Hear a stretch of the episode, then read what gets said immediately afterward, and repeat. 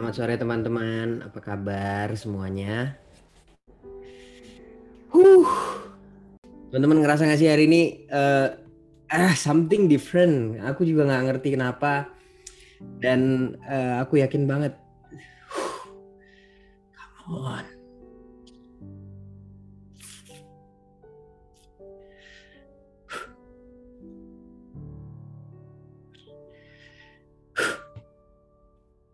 Yes, aku percaya banget Tuhan punya something yang dia rindu mau tabur sama setiap kita. Sorry guys. Oke. Jujur aku seneng banget waktu sesi penyembahan tiap kali uh, apa ya lihat teman-teman waktu kita nyembah bareng. Aduh. Come on. Aduh, aduh. Nih keseringan ngecengin Yuda nih.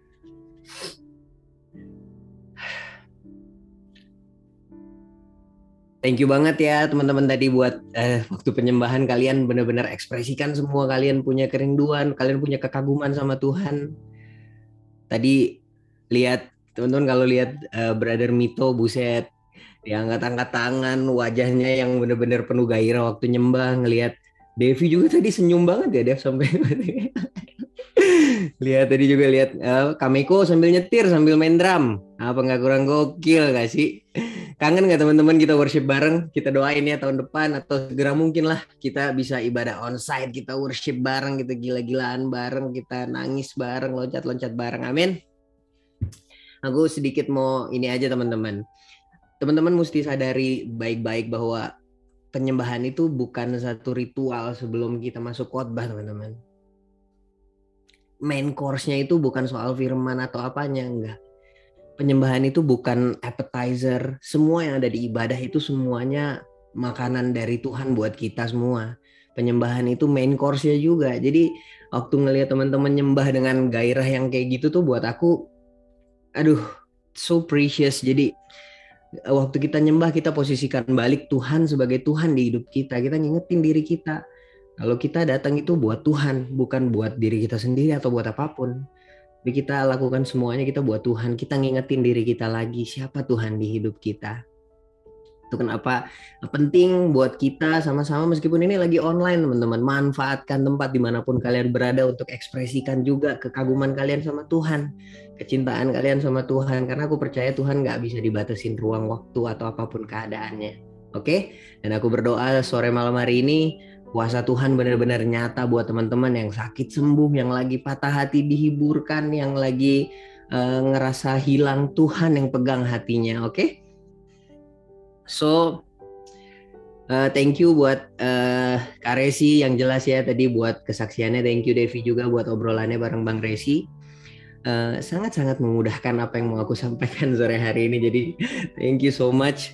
Uh, sebentar ya, aku mau share masih di tema kita. Oh sorry. Kayaknya soundnya nggak ke share eh. Masih di tema kita bulan ini kita bahas tentang komunitas ya.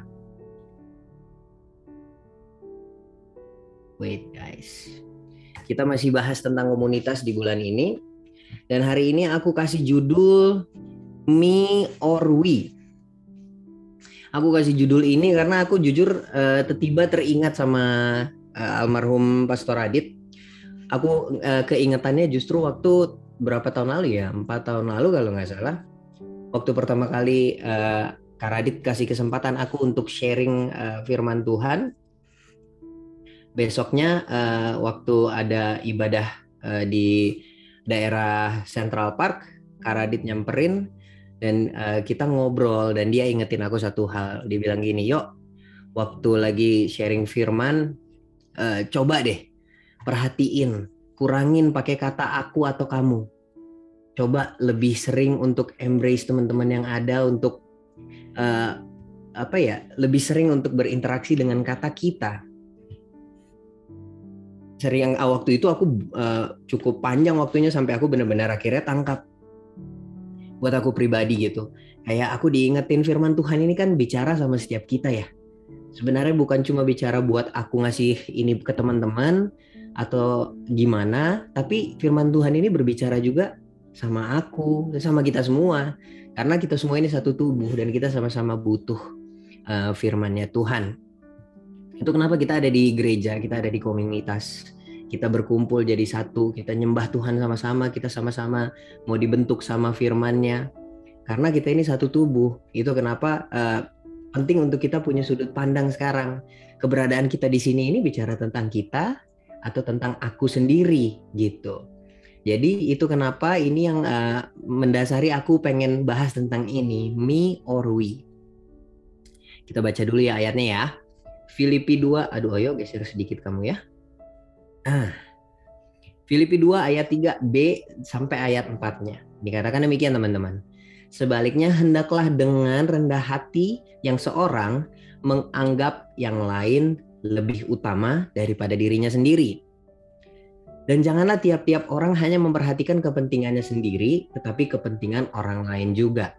Gitu. Firman Tuhan katakan untuk kita bisa menganggap uh, kepentingan orang lain lebih utama. Tapi bukan berarti kita tidak memikirkan kepentingannya kita ya.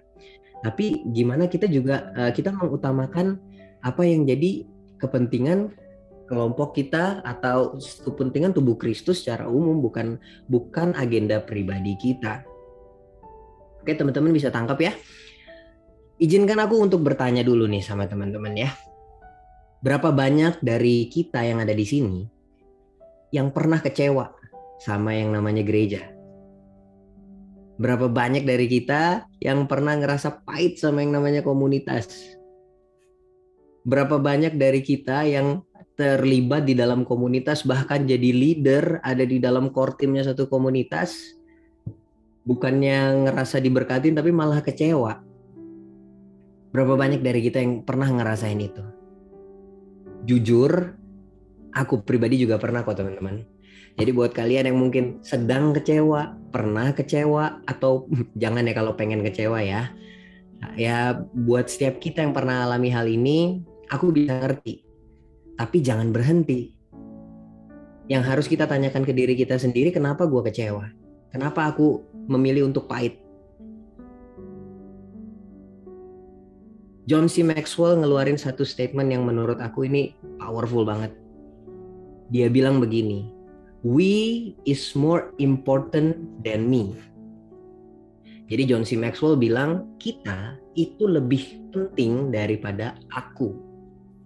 Nah mungkin ini yang mendasari kekecewaan kita. Karena kita balik posisinya. Me is more important than we. Karena kita punya posisi yang kurang tepat dan yang paling sering menjadi alasan kita kecewa adalah yang namanya ekspektasi. Expectation itu punya pengertian gini teman-teman. A strong belief that something will happen. Satu keyakinan bahwa sesuatu akan terjadi or be the case in the future atau itu yang akan menjadi case di masa depan, kasus di masa depan atau harapan di masa depan. Gampangnya gini, kita masuk ke komunitas, kita berpikir waktu gue masuk ke komunitas apa yang gue pengen tuh bisa tercapai. Orang-orang yang mencintai gue, pokoknya kalau gue lagi jatuh gue dipuk-puk, waktu gue lagi butuh temen ada aja yang tiba-tiba WhatsApp, eh udah makan belum? Eh kamu udah uh, hari ini lagi mau ke mana? Mau aku anterin? mau kamu butuh ke mana nah itu teman apa supir grab kita nggak tahu juga ya jadinya ya teman-teman sekali lagi ini yang bikin kita sering kali jadi mudah kecewa yang namanya ekspektasi. Karena kita masuk ke satu komunitas kita sudah punya agendanya kita sendiri. Dan ini yang bikin banyak sekali atau ya sering kita jumpai mungkin aku pun pernah ada di posisi itu ini bikin kita mudah sekali menjadi orang Kristen yang baper. Dikit-dikit ngerasanya gimana gitu ya. Jadi kita masuk kita masuk ke dalam satu komunitas, kita sudah bawa agendanya kita, kita sudah uh, apa namanya ngeset uh, bahwa pokoknya kalau di komunitas ini gue masuk misalnya gue masuk di muda karena gue pokoknya selalu dan selamanya akan menerima penerimaan yang sama dan ketika uh, leader-leader komselnya lagi memang mungkin punya kesibukannya sendiri kita jadi kecewa gitu. Jadi sekali lagi yang mungkin yang mungkin yang bikin kita kecewa, bikin kita pahit yaitu ekspektasinya kita sendiri. Gitu. Dan ini yang sering kali jadi isu dan sering kali kita jadikan pembelaan. Itu adalah self focused. Gitu. Kita berfokus sama diri kita sendiri. Semuanya tertujunya sama kita gitu. Semuanya uh, semuanya tentang gue, semuanya aku pokoknya. Ada perbedaan antara self love sama self focus. Kita sering kali kan uh, apa namanya pakai pembelaan enggak ini self love kok gue mencintai diri gue sendiri apa bedanya self love sama selfish, self focused sama apa self centered mungkin? Apa bedanya sih? Self love itu dasarnya adalah apa yang Tuhan katakan tentang kita. Dasarnya selalu Tuhan, karena sejatinya kita pribadi gak bisa mencintai diri kita sendiri dengan benar. Itu kenapa kita butuh cintanya Tuhan buat kita. That's self love. Gimana kita mau mencintai diri kita dengan cara membiarkan cintanya Tuhan yang nurturing kita, yang mencintai kita, yang membentuk kita. Nah, sedangkan self-centered, self-focused ini pusatnya adalah diri kita sendiri. Kita cenderung memaksakan apa yang ada di sekitar kita ini harus jadi sesuai seperti apa yang kita mau. Nah, buat teman-teman yang ada di komunitas, ini nggak bisa, nggak boleh. Kita nggak nggak kita harus bisa menghindari hal-hal seperti ini. Apalagi leader-leader juga ya, ini tempted apa temptation banget lah buat para leader karena buat aku pribadi pun sama cenderungan waktu ada di satu komunitas aku pengen mereka ikuti apa yang jadi standarnya aku. Padahal uh, itu sama sekali berbeda waktu kita punya standar yang pengen uh, kita bangun sama mereka sesuai sama yang kita pengenin itu dua hal yang berbeda gitu. Matius 22 ayat 37 sampai 38 bilang begini teman-teman. Jawab Yesus kepadanya, Kasihilah Tuhan Allahmu dengan segenap hatimu dan dengan segenap jiwamu dan dengan segenap akal budimu Itulah hukum yang terutama dan yang pertama. Dan hukum yang kedua yang sama dengan itu ialah kasihilah sesamamu manusia seperti dirimu sendiri. Nah, ini kan yang sering banget kita pakai ayat jadi buat pembelaan kita untuk bilang gue self love kok itu nggak bukan gue bukan egois, gue self love gitu. Kita bilang ya mencintai seperti uh, mencintai sesama tuh kalau gue udah mencintai diri gue sendiri dulu pokoknya. Ini jadi kadang uh, kita menunda pengorbanan kita karena kita berpikir ah gue aja belum dapet gitu. Kesannya itu jadi fokusnya di kita sendiri gitu. Nah tapi yang menarik ini Tuhan Yesus yang ngomong ya. Nah Tuhan yang sama ngomong kayak gini teman-teman.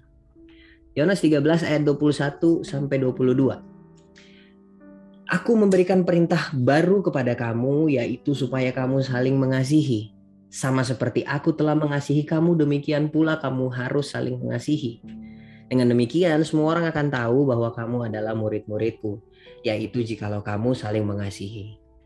Dua set dari apa ya setting dari dua ayat ini tuh berbeda yang tadi di Matius waktu Yesus lagi ngomong sama ahli-ahli Taurat sama orang-orang Farisi. Tapi waktu Yohanes 13 ini Yesus lagi bicara sama murid-muridnya, sama komunitas di mana dia berada, komunitasnya Tuhan Yesus. Nah, ayat 35-nya kan bilang dengan demikian dengan demikian semua orang akan tahu bahwa kamu adalah murid-muridku yaitu jikalau kamu saling mengasihi. Orang-orang akan tahu kalau kita ini murid Kristus kalau kita pakai Jesus standard of love. Standar kasihnya Yesus adalah mengasihi sesama bukan seperti sekedar kita mencintai diri kita sendiri tapi seperti Yesus mencintai kita. Jadi cara di mana Yesus sayang sama kita, itu cara yang kita pakai untuk mencintai sesama kita, mencintai komunitas kita. Gitu, teman-teman bisa tangkap sampai sini? Ini yang jadi misinya muda. Untuk sampai kepada visinya muda yaitu Christ likeness yang adalah Jesus culture. Standar kasihnya Yesus, cara Yesus hidup, cara Yesus mencintai. Gitu. Nah, ada banyak yang bisa kita pelajari dari standar kasihnya Yesus pastinya ya. Kalau aku jabarin mungkin kita akan selesai ibadah nanti jam setengah 12 uh, eh, hari ini dan berlanjut akan di sesi-sesi yang berikutnya. Tapi uh, kita nggak akan bahas semuanya teman-teman. Aku harap habis dengar ini punya waktu pribadi untuk buka Alkitabnya, baca lagi apa yang Yesus sampaikan sama teman-teman, Roh Kudus singkapkan sama teman-teman ya.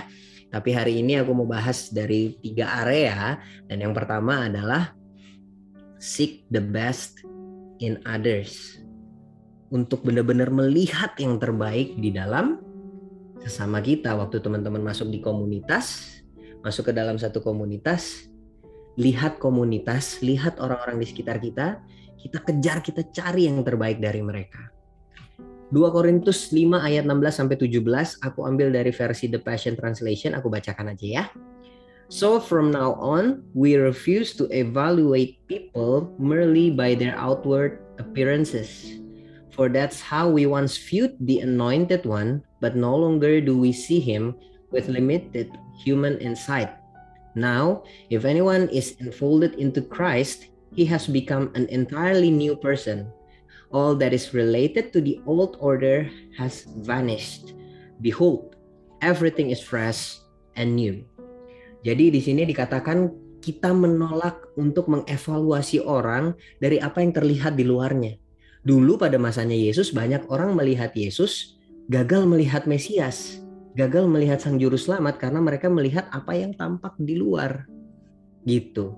Nah, kita harus bisa melihat waktu pertama kali ini kita lihat sesama kita di dalam komunitas tubuh Kristus, ya kita lihat ini orang-orang yang Tuhan sudah lahirkan kembali, sudah lahir baru di dalam Tuhan. Kita harus bisa melihat Kristus yang ada di dalam sesamanya kita.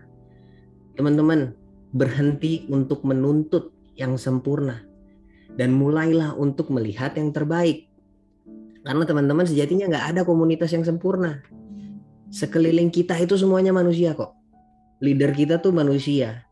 Kak Devi itu manusia, Kak Kaleb itu manusia, kata saya Manuela itu manusia, Kak Riko, Pastor Riko, Pastor Vero, Pastor Joanna, kita semua ini manusia. Kita masih bisa bikin salah dan kalau dicari-cari terus, aduh kalau nyari-nyari mah pasti ketemu kok apa yang kita pengen lihat kekurangannya, cari aja liatin pelan-pelan nanti misalnya ngeliatin aku oh di jidatnya di tengah-tengah ada jerawatnya tuh mandinya nggak bersih misalnya gitu tuh misalnya.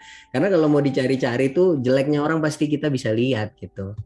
Makanya daripada capek-capek nyari jeleknya orang kenapa nggak pertama kita lihat ada Kristus dulu di orang itu di, di sekeliling kita di komunitas kita.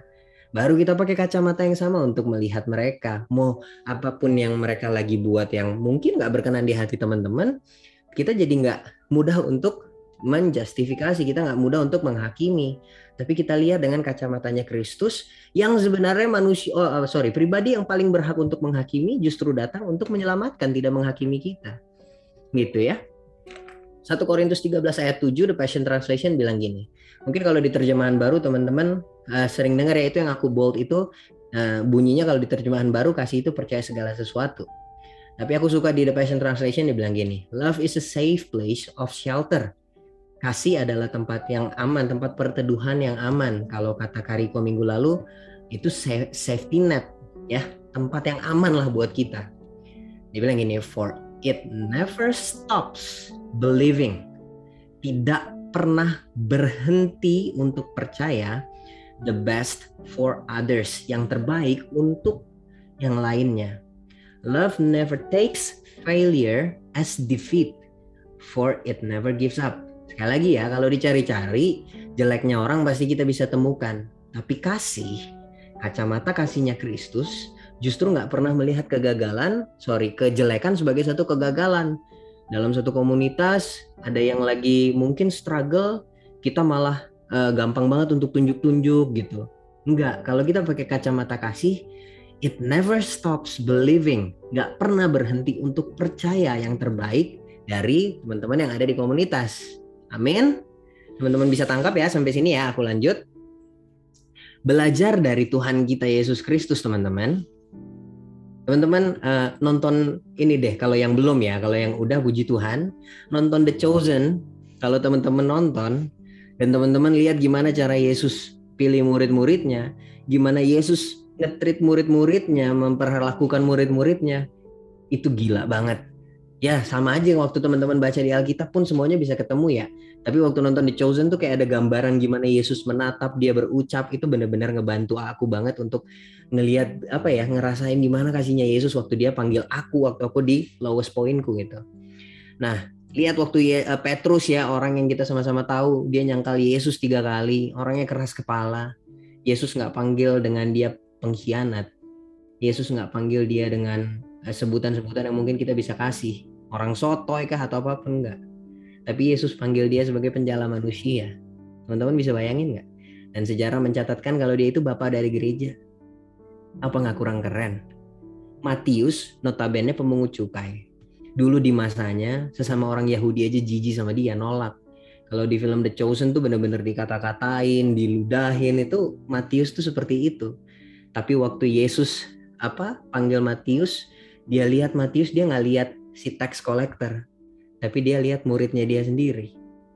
Gitu. Dan masih banyak lagi kok teman-teman murid-murid Yesus di mana Yesus melihat mereka dengan kacamata kasih. Yesus melihat yang terbaik yang ada di dalam mereka. Nah aku mau ajak teman-teman saat ini nih sekarang. Coba ingat baik-baik teman-teman. Ingat baik-baik. Gimana waktu teman-teman pertama kali ngalami perjumpaan sama kasihnya Tuhan tadi waktu lagu terakhir lagu Reckless Love aku tiba-tiba keinget momen waktu aku ngalami perjumpaan sama Tuhan. Aku nih bukan orang yang dari lahir langsung apa ya keluar dari rahim ibu aku baca Alkitab. Enggak, aku anak tobat ah baru belum berapa lama lah. Dulu buat beberapa teman yang mungkin kenal sama aku, ya aku dulu punya kehidupan yang cukup uh, asoy. Jadi di situ aku waktu ngalamin perjumpaan pertama kali sama kasihnya Tuhan, aku bukan di titik lagi pelayanan yang keren banget gitu lah yang kayak lagi di mimbar atau apa enggak. Tapi di rumah sakit gara-gara kelakuan sendiri lah. Nah di situ aku ngalamin perjumpaan yang bener-bener banyak banget ngerubahin hidup aku gitu. Dan uh, Tuhan jumpai aku bukan karena aku sudah berbuat baik tapi karena dia lihat yang terbaik di dalam uh, aku yang mungkin aku sendiri aja lagi nggak bisa lihat apa aku sendiri aku nggak bisa lihat aku Aku nggak bisa lihat yang baik dari aku. Aku nggak bisa temukan Tuhan di dalam aku. Tadi Bang Resi juga bilang ya teman-teman temukan identitas kalian. Nah kenapa penting untuk kita seek the best in others? Karena sering kali ada orang-orang yang sulit untuk melihat dirinya sendiri teman-teman. Gimana kita bisa tuntut mereka lihat Tuhan, dengar apa yang Tuhan bilang sama mereka. Kalau mereka lihat diri mereka aja sendiri sulit. Di situ komunitas berdiri untuk melihat yang terbaik dan kita perkatakan identitas surga atas mereka. Kita tarik semua yang terbaik yang Tuhan udah taruh tanam di dalamnya uh, setiap kita untuk kita recall, kita panggil keluar itu identitas yang Tuhan udah kasih sama setiap kita. Oke, itu yang pertama untuk kita bisa seek the best in others. Lalu berikutnya yang Yesus lakukan adalah serve one another in love. Matius 20 ayat 28 bilang begini teman-teman. Sama seperti anak manusia datang bukan untuk dilayani, melainkan untuk melayani. Dan untuk memberikan nyawanya menjadi tebusan bagi banyak orang. Wow, itu Tuhan Yesus, anak Allah, anak Raja datang untuk melayani. Bukan untuk dilayani, dia bilang ya Alkitab katakan. Yohanes 13 ayat 15 bilang begini, sebab aku telah memberikan suatu teladan kepada kamu, jadi Yesus kasih teladan sama kita supaya kamu juga berbuat sama seperti yang telah kuperbuat kepadamu. Ini kalau teman-teman baca Yesus lagi basuh kaki murid-muridnya. Murid-murid yang notabene nanti ada yang hianati dia, ada yang bikin dia mati di atas kayu salib, ada yang kabur, ada yang menyangkal, ada yang nontonin Yesusnya cuma dari jauh gitu. Tapi Yesus basuh kaki mereka. Yesus yang adalah raja membasuh kaki murid-muridnya. Nah, pelayanan, melayani, hadir untuk sesama nih kayak signature move-nya Yesus banget ya kalau teman-teman baca di Alkitab ya. Kayak Yesus ya dia itu lihat kelihatan banget hatinya untuk melayani mereka-mereka yang sebenarnya manggil Yesus aja rabi gitu loh, guru.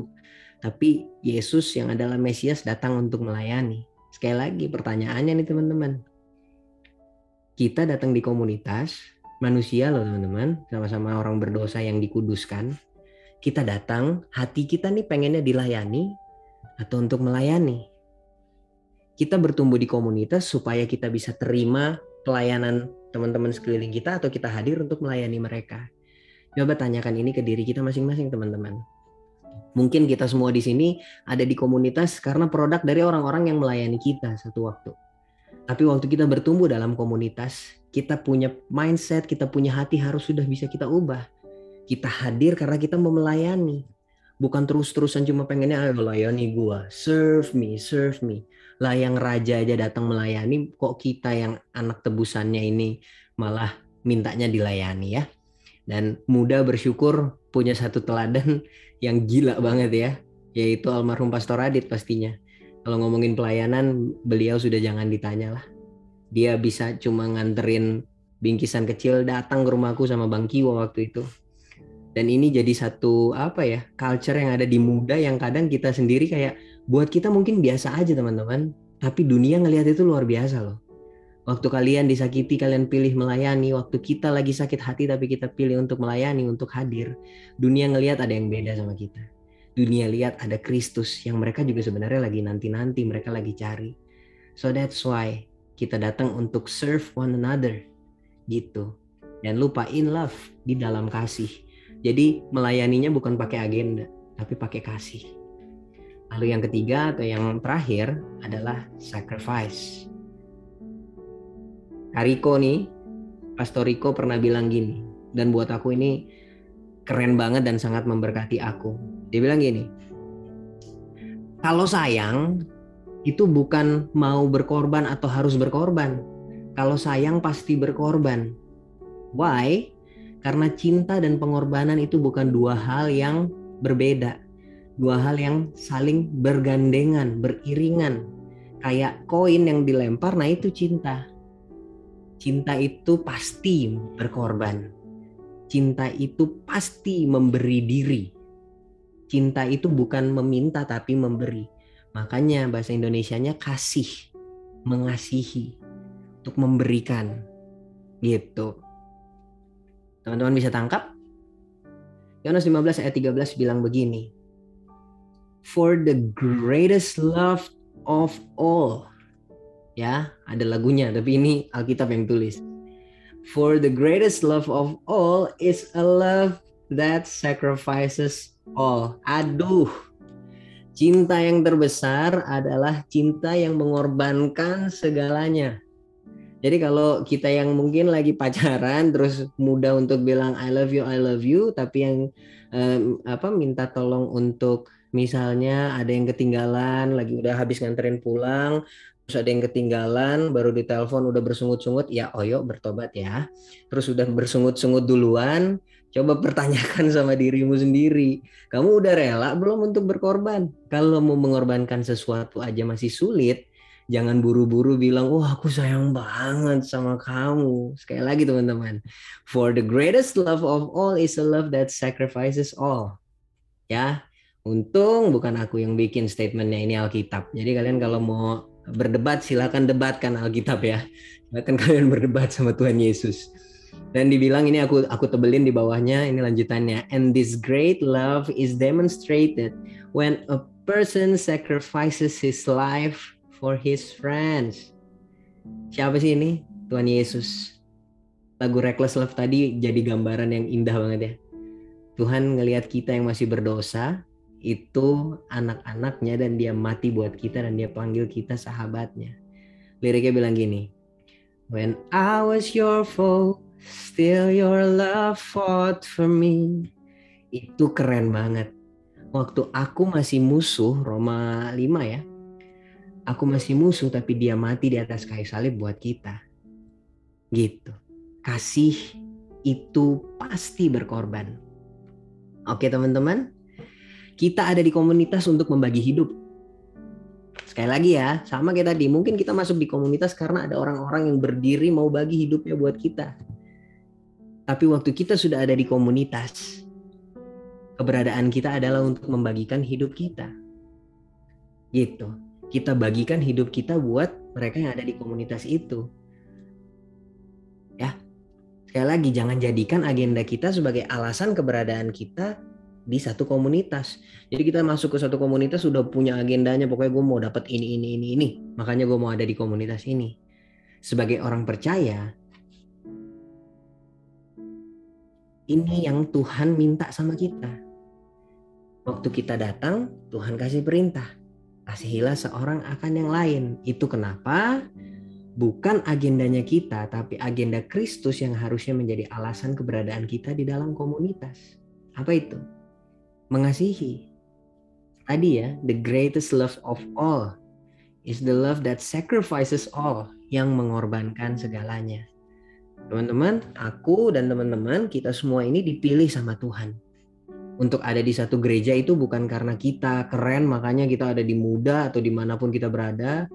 Uh, ada di vibe karena gue uh, jago main musik atau apa enggak. Di mana pun kita berada itu semua karena Tuhan pilih kita. Jadi kalau mau pakai standar, pakai standarnya Kristus, jangan standarnya kita minggu lalu aku mau sedikit kutip nih ada satu statement yang bagus banget dari Pastor Surya di uh, gereja CLCC Bandung ya. Beliau tulis ini. Komunitas adalah tempat kematian untuk diri sendiri dan tempat membagi hidup bagi sesama. Teman-teman masih ada yang mau bilang amin buat hal ini? Ya, yang udah bilang amin, malaikat di surga mencatatnya ya teman-teman nama-nama kalian yang udah siap untuk berkomunitas, kalian siap untuk mati untuk diri sendiri dan ini adalah tempat untuk membagi hidup bagi sesama. Untuk membagikan diri kalian buat sesama. Oke? Okay? Ketika kita bagi hidup, ini tetapinya. Ketika kita bagi hidup, kita justru semakin hidup.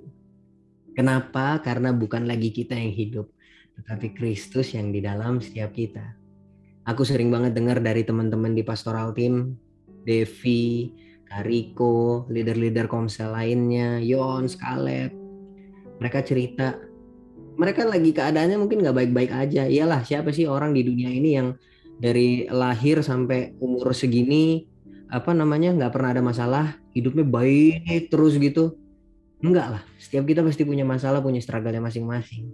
Tapi uh, dari cerita-cerita mereka, setiap kali mereka memutuskan untuk gue tetap mau bagi hidup, justru mereka nemuin kehidupan itu di dalam Kristus mereka berasa kayak kalau kalau hmm, apa ya sering banget Kak Devi bilang tuh kayak gue berasa jadi kayak alive aja gitu waktu gue bagiin hidup sama mereka keren banget gak sih keren gak sih Kak Devi? Ayo dong anak-anak girls kasih tepuk tangannya buat Kak Devi. Oke okay, so good ya. Jadi komunitas adalah tempat kematian untuk diri kita sendiri tapi ini jadi tempat untuk kita membagi hidup bagi sesama. Nggak berhenti di situ waktu kita bagi hidup kita ini semakin hidup. Jadi teman-teman sekali lagi waktu kita ada di dalam komunitas Kristus udah nggak ada lagi ya kata-kata ini. Hidup hidup gua ini nggak. Hidupmu bukan hidupmu aja hidupmu punya Kristus punya jemaatnya juga kalau uh, Kak Devi bagiin waktu bahas tentang tobat kumat ya di 1 Korintus 12 dibilang kalau yang satu sakit yang lain ikut menderita artinya hidupmu udah bukan hidupmu lagi kalau kamu menyakiti dirimu, jatuh dalam dosa, kita jatuh dalam dosa, sebenarnya tubuh Kristus yang lain ikut sakit, ikut menderita. So teman-teman sekali lagi ya, tujuan kita di dalam komunitas bukan cuma untuk menerima, tapi untuk membagikan hidup kita. Oke? Itu aja mungkin dari aku dan untuk merecap aku cuma pengen ingetin sekali lagi ya buat setiap kita yang hidup di dalam uh, komunitasnya Tuhan Yesus, komunitas Kristus pastinya, tubuh Kristus jangan pakai agendanya kita, pakai standar kasihnya Yesus ya. Seperti yang tadi aku bagikan. Seek the best in others. Ini jadi satu permulaan waktu kita melihat yang ada di depan mata kita, teman-teman kita, komunitas kita. Lalu berikutnya, serve one another in love. Dan yang terakhir jangan lupa, pengorbanan. Karena tadi ya, the greatest love of all is the love that sacrifices all. Oke? Okay? Terima kasih teman-teman. Aku mau tutup dalam doa. Yuk kita satu dalam doa. Bapak yang penuh kasih, bersyukur Tuhan untuk kasihmu, bersyukur untuk pengorbananmu, bersyukur buat setiap teladan yang Tuhan kasih buat setiap kami Tuhan. Tuhan Yesus yang adalah Raja, pemilik segalanya datang ke dunia, malah datang melayani kami, mencintai kami. Gak berhenti di situ Tuhan mati buat setiap kami. Dan itu bukan wacana. Karena kayu salib Kristus dan Tuhan yang bangkit dari kubur itu yang jadi alasan kami sekarang masih berdiri, masih hidup. So Tuhan aku minta Tuhan roh kudusmu hari ini Tuhan. Curahkan atas setiap kami biar kami punya boldness untuk bilang Tuhan ini tempat di mana Tuhan taruh aku berada. Aku mau bagi hidupku buat setiap mereka Tuhan. Aku mau bagi hidupku buat teman-teman yang Tuhan taruh di hidup. So, Tuhan aku minta roh kudusmu Tuhan Serahkan buat setiap kami. Kami siap Tuhan punya hati yang terbuka untuk menerima. Thank you Tuhan Yesus, ini kami Tuhan. Terima kasih untuk firman-Mu, terima kasih untuk kebenaran. Materaikan semuanya di dalam kasih-Mu Tuhan. Biar hanya namamu Tuhan yang dipermuliakan dari sekarang sampai selama-lamanya Tuhan. Sekali lagi Tuhan datanglah kerajaan-Mu. Jadilah kehendaknya Tuhan atas setiap kami, buat kami, dan juga melalui kami Tuhan. Semuanya persis seperti di sorga. Terima kasih Tuhan Yesus. We love you so much. Haleluya. Amin.